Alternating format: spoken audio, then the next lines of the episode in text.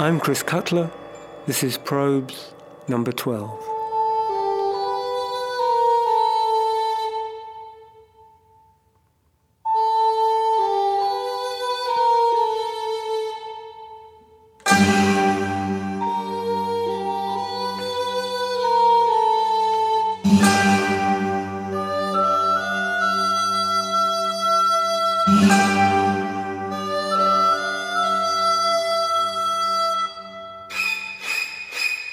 Previously on Probes.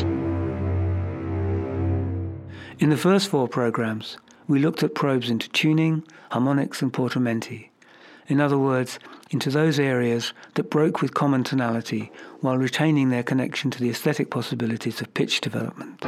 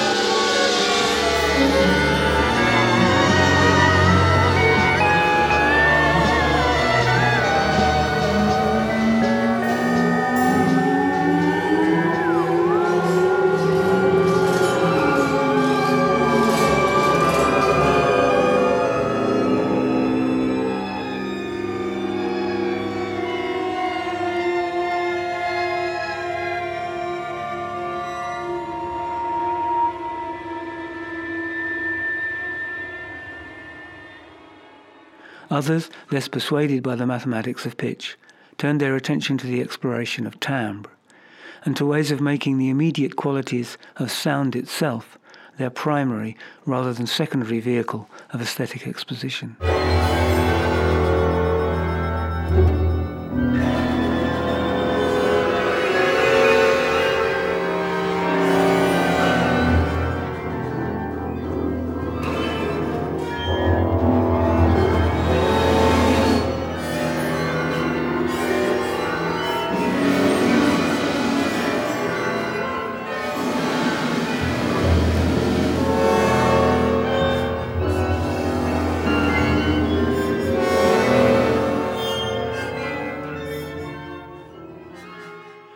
Looked at some of the ways orchestral resources have been explored in pursuit of contrast and colour, and at the way in the search for new sonorities, individual instruments have been transformed both by physical preparation and through extended performance techniques.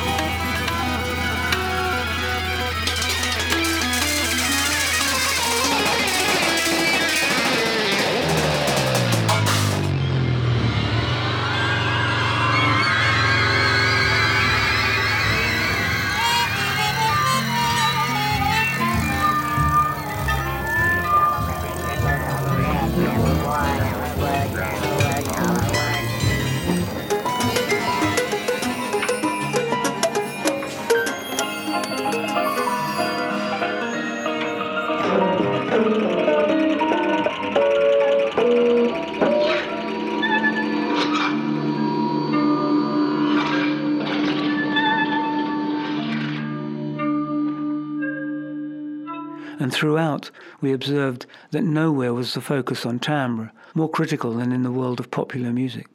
Whereas recording technologies improved, aesthetic content became increasingly linked to the materiality of particular performances, to the physical qualities of individual voices, and to the signature sounds of specific ensembles, arrangers, and modalities of production. You love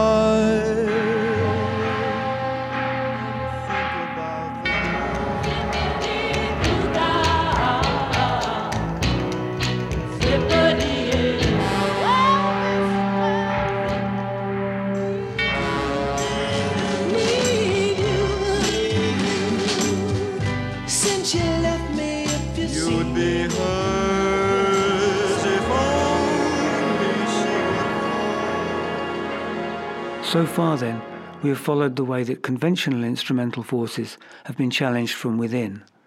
Now we'll begin to look at the way they've been augmented or reconfigured from without. First, we'll look at how resources drawn from ancient, exotic, or exogenous sources have been used to extend or refresh instrumental limitations.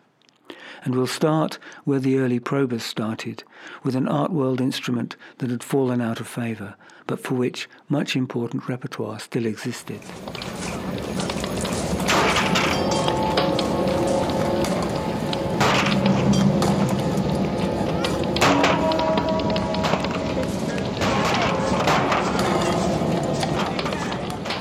It's a sad fact that in the cold winters of the 19th century, the Paris Conservatory broke up all its surviving harpsichords to use as firewood.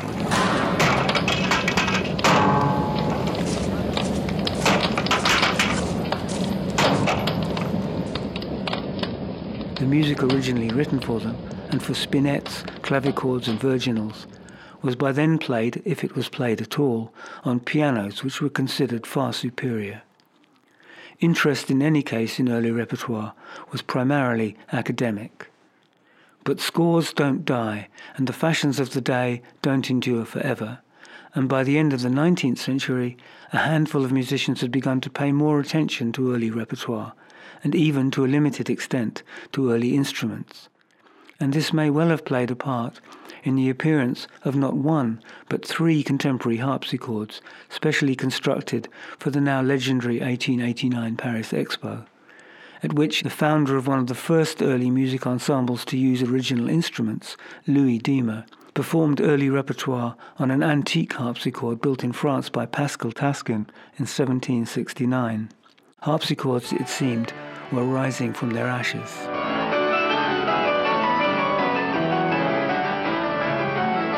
But it was the Polish virtuoso and early music champion Wanda Landowska who became the harpsichord's leading ambassador. Commissioning a specially modified instrument from the piano manufacturer Pleyel, who designed one of the three harpsichords shown at the expo, she began by introducing just one or two pieces into her regular recitals, until she was soon filling entire concerts with harpsichord works alone. She was not unsupported in this. There was a general, if specialized interest in early instruments at the time, a symptom perhaps of a broader intuition not yet named, that from various different perspectives had begun to query the privileging of pitch over sound. For the revivalists, as for the radicals, sound was becoming an issue of increasing importance. But Landowska saw more than history in the harpsichord.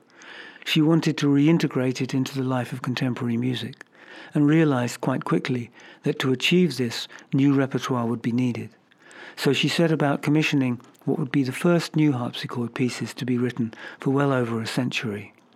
Two of them were particularly influential Manuel de Falla's harpsichord concerto, premiered in 1926, and Francis Poulenc's concert champêtre the following year. These commissions were more of a challenge to their composers than they were a natural solution to perceived musical problems.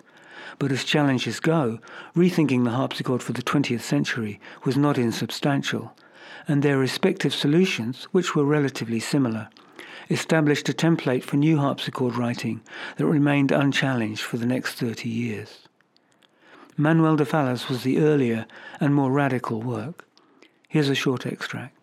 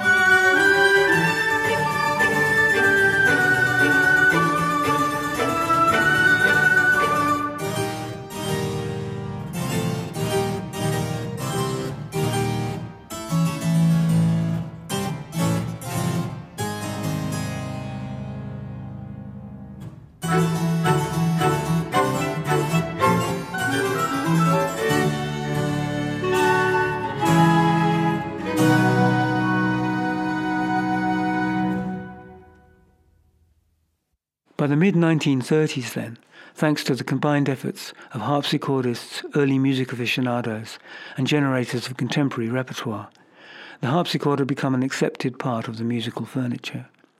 And by the early 1940s, when the clarinetist and bandleader Artie Shaw unveiled his Gramercy 5, it crossed over into the world of jazz. Johnny Guarnieri was the harpsichordist, although his first encounter with the instrument had only been at Shaw's home on the night before the recording session.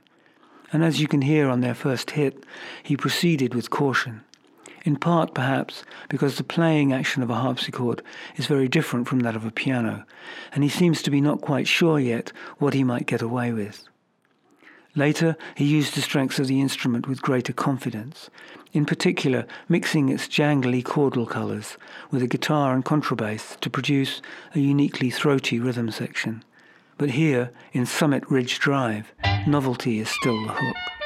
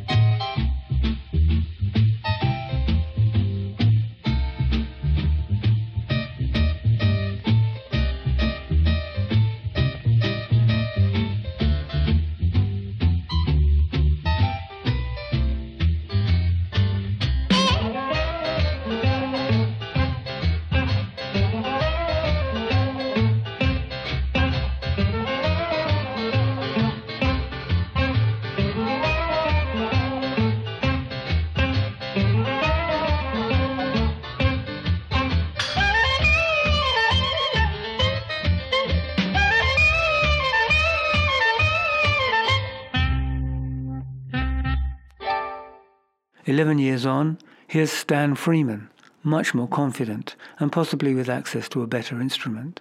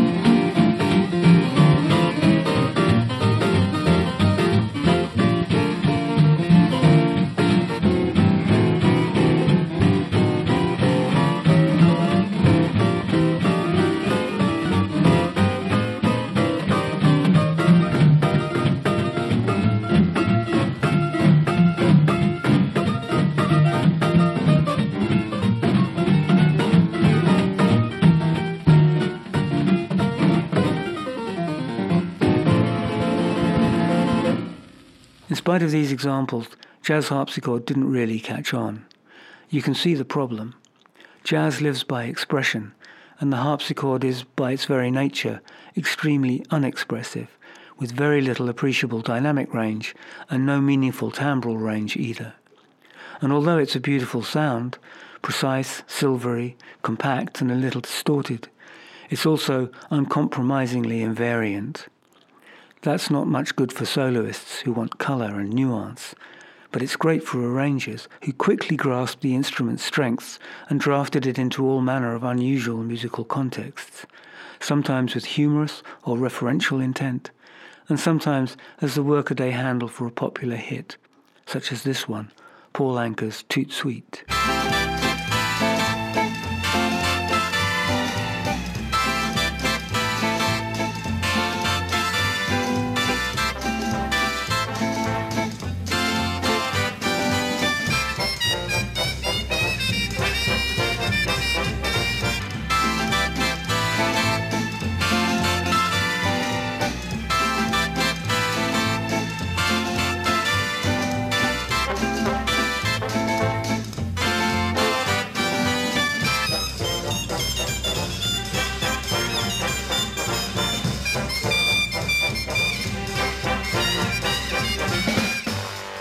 By the 1960s, you could hardly move for harpsichords. They were everywhere, on film soundtracks, pop singles, and on TV themes.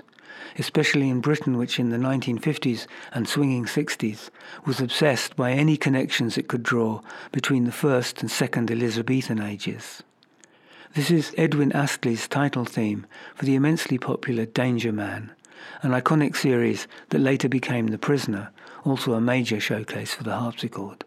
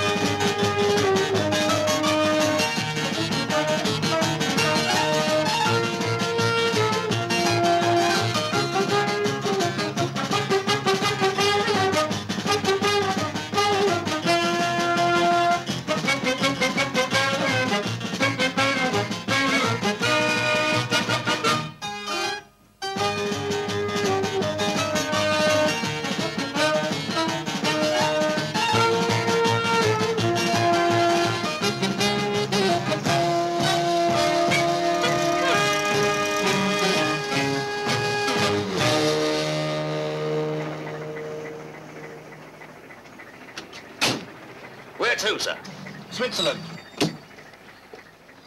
By the middle of the decade, even hardcore rockers were down with the harpsichord. Here's the incomparable Jerry Lee Lewis, recorded in 1965.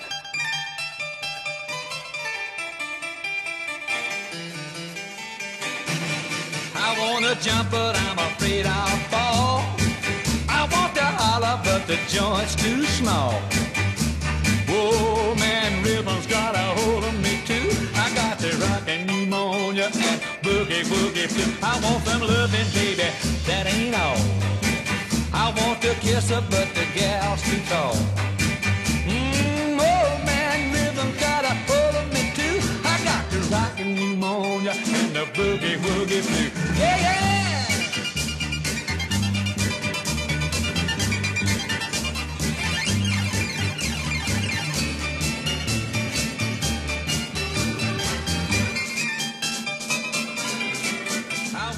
In the art music world, too, anchored by Poulenc and Falla, the harpsichord had become an accepted feature of musical life. Piano pieces were adapted for it, and many new works were written. In general, the new compositions either played with Baroque forms or fell broadly into the ambit of Romantic piano writing. Here, for instance, is La Scolopendra from L'Insectarium by the French composer Jean Françaix, a piece that takes advantage of the clicky quirkiness of the instrument to paint a child's picture of a centipede.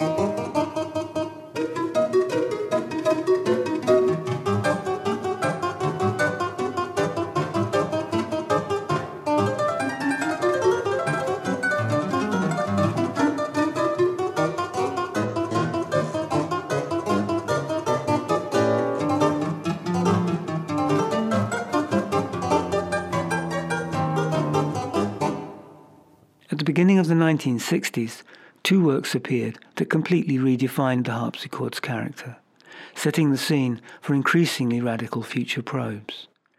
The first was commissioned by the Swiss harpsichordist Antoinette Vischer, a woman whose biography seems mysteriously to have been expunged from almost all reference works. She doesn't even have a Wikipedia entry, in spite of the fact that she commissioned some 38 works for the harpsichord, including some of the most significant. What makes this one, by the Anglo-French composer Maurice Ohana, so remarkable is its break with the pattern set by all its antecedents. Ohana ignores the historical associations and concentrates instead on the harpsichord's timbres and its ability to emulate the sonorities of another instrument, the carillon, as you can hear in the opening of his Carillon pour les heures du jour et de la nuit.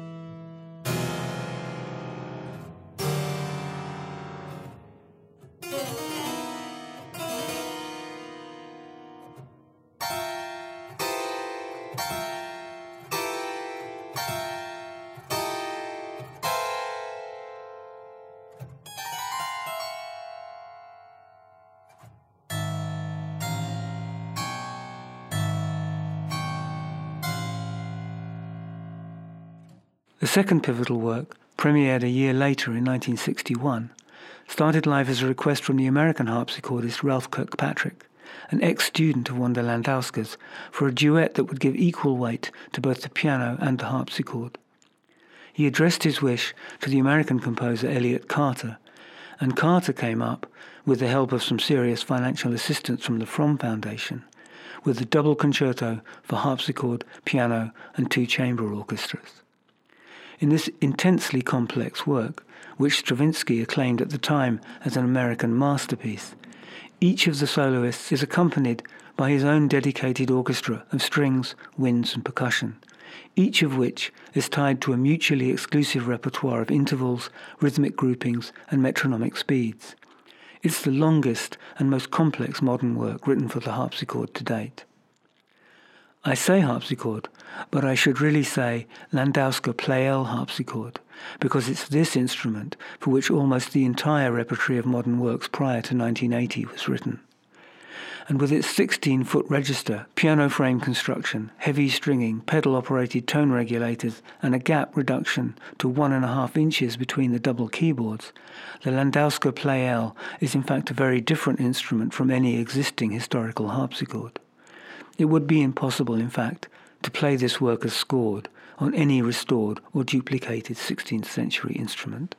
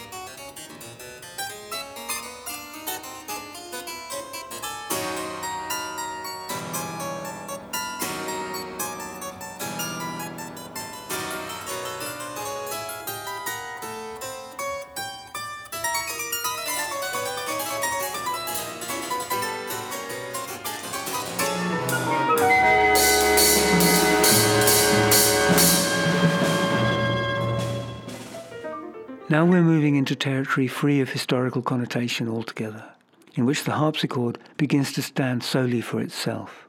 In his groundbreaking Continuum, Ligeti took his approach directly from the mechanical and sonic idiosyncrasies of the instrument, and from an observation commonplace in the practice of electronic and electroacoustic music, that beyond certain speeds of iteration, discrete events tend to blur and take on a new quality.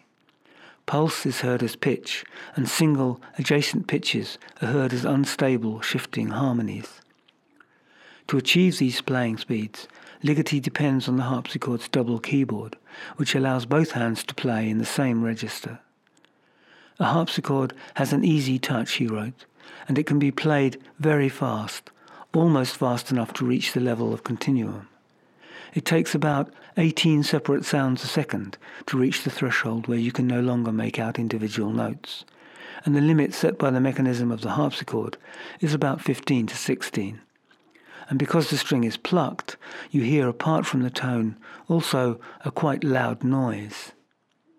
This piece, too, was commissioned by Antoinette Vischer. Continuum is not only a landmark in the evolution of contemporary harpsichord writing, but a key work in the canon of 20th century music.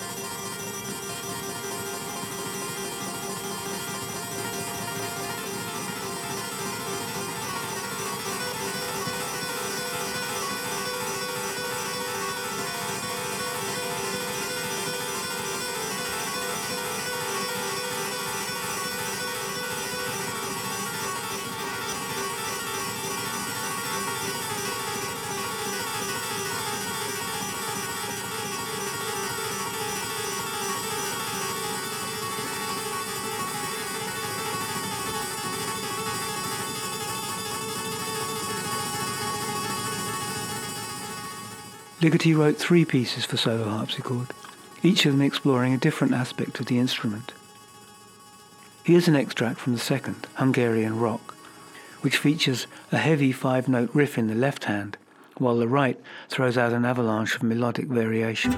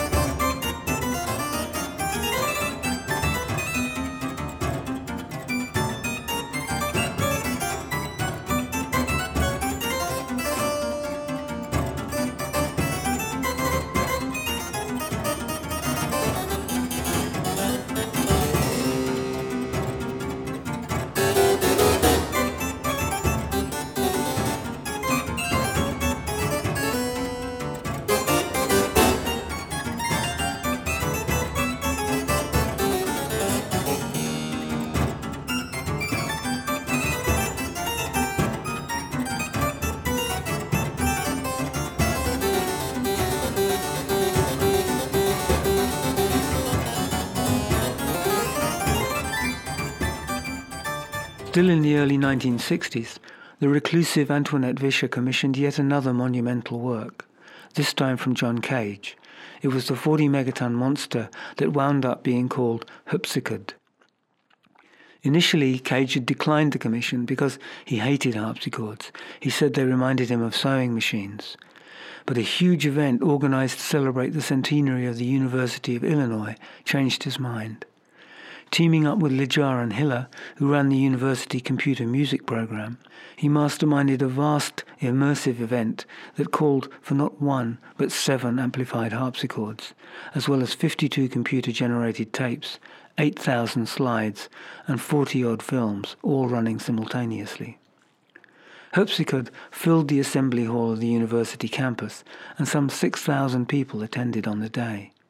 The seven soloists have to play mangled mashups of music by Mozart, Beethoven, Chopin, Schumann, Gottschalk, Busoni, Schoenberg, Hiller and Cage, using scores generated by a customized computer program based on I Ching hexagrams.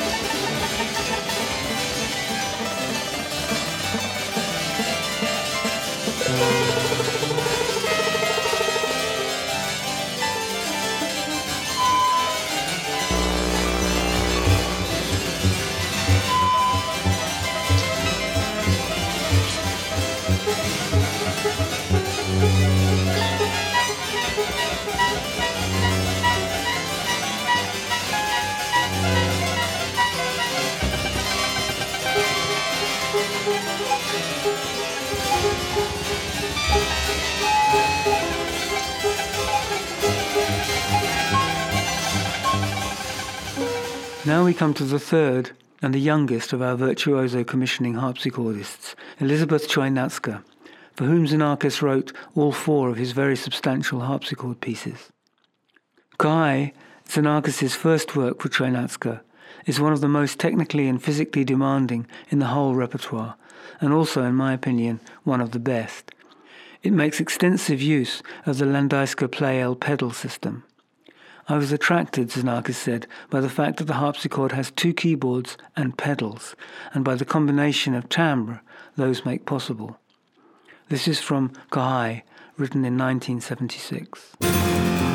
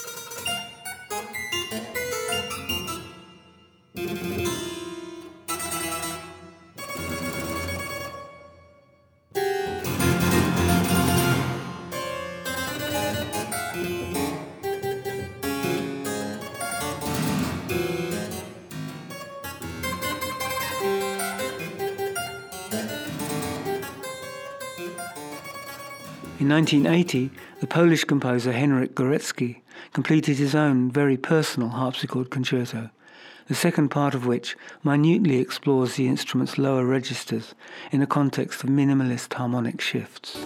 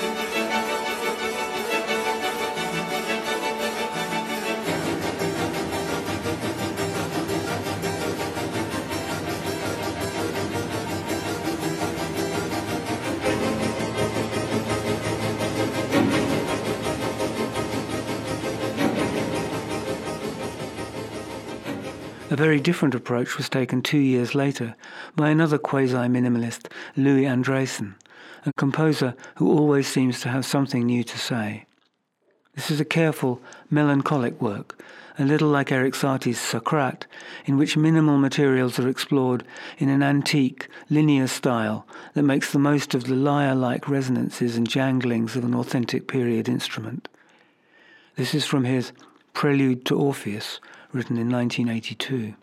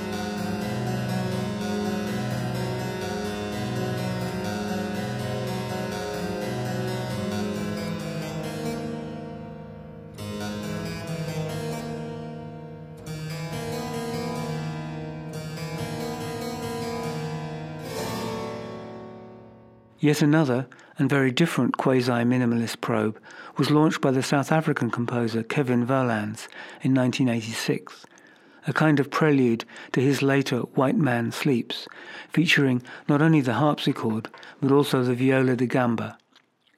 Rather in the way that Ohana had been inspired to emulate the sonorities of the carillon, so Volans here mirrors a Zimbabwean mbira or thumb piano. It takes two harpsichords to do it, and both of them have to be retuned to African scales.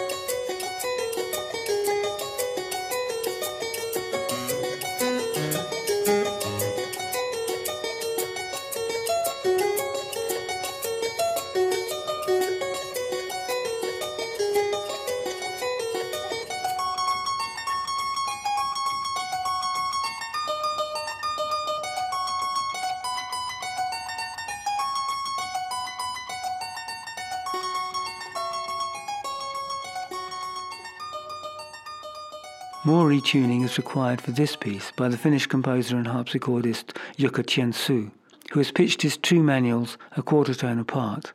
It's a tango, more or less, and it was written in 1984.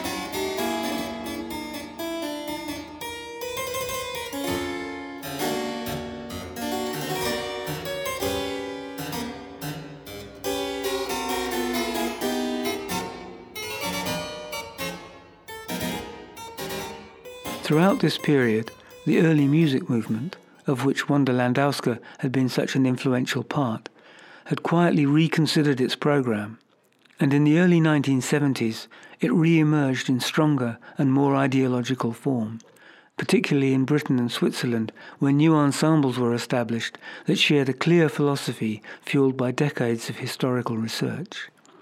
The same scholarship informed a new generation of instrument builders who now tried to work to original templates and, where possible, to use original materials. The new operative consensus was that early music performances should reproduce as closely as possible the sounds and articulations that composers and audiences would have expected to hear at the time they were written, which meant, amongst other things, using accurate reproductions of period instruments appropriate tuning systems, and historically compatible performance techniques. Modern harpsichords were of course not at all compatible with this new understanding, and so were excluded from early music ensembles. What makes it wrong for them, the heavy build, extensive adaptations, and customized features, all of them alien to the 16th century instrument, is exactly what makes it indispensable to the performance of virtually all the pieces to which we have listened so far. Now it's the modern harpsichord, once so instrumental in the revival of early music repertoire, that is disappearing, and with it much of the 20th century repertoire, which is impossible to play accurately on historic instruments. Even the skill set required to play the modern harpsichord is significantly different from that required to play a period instrument. And compositionally, there seems, at least at present, to be no equivalent repertoire emerging for the period harpsichord, or indeed for any of the extraordinarily rich array of highly unusual sonorities that authentic early music ensembles currently deploy. The sackbut, the consort of viols, the viola d'amore, the crumhorn, the racket, the rebec, or the family of recorders. Of course, there are pieces, but no longer big, radical pieces.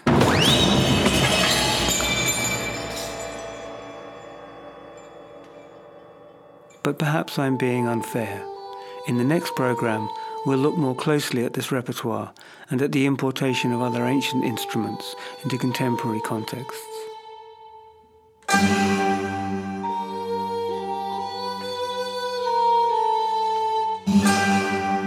I'm Chris Cutler. This has been Probes.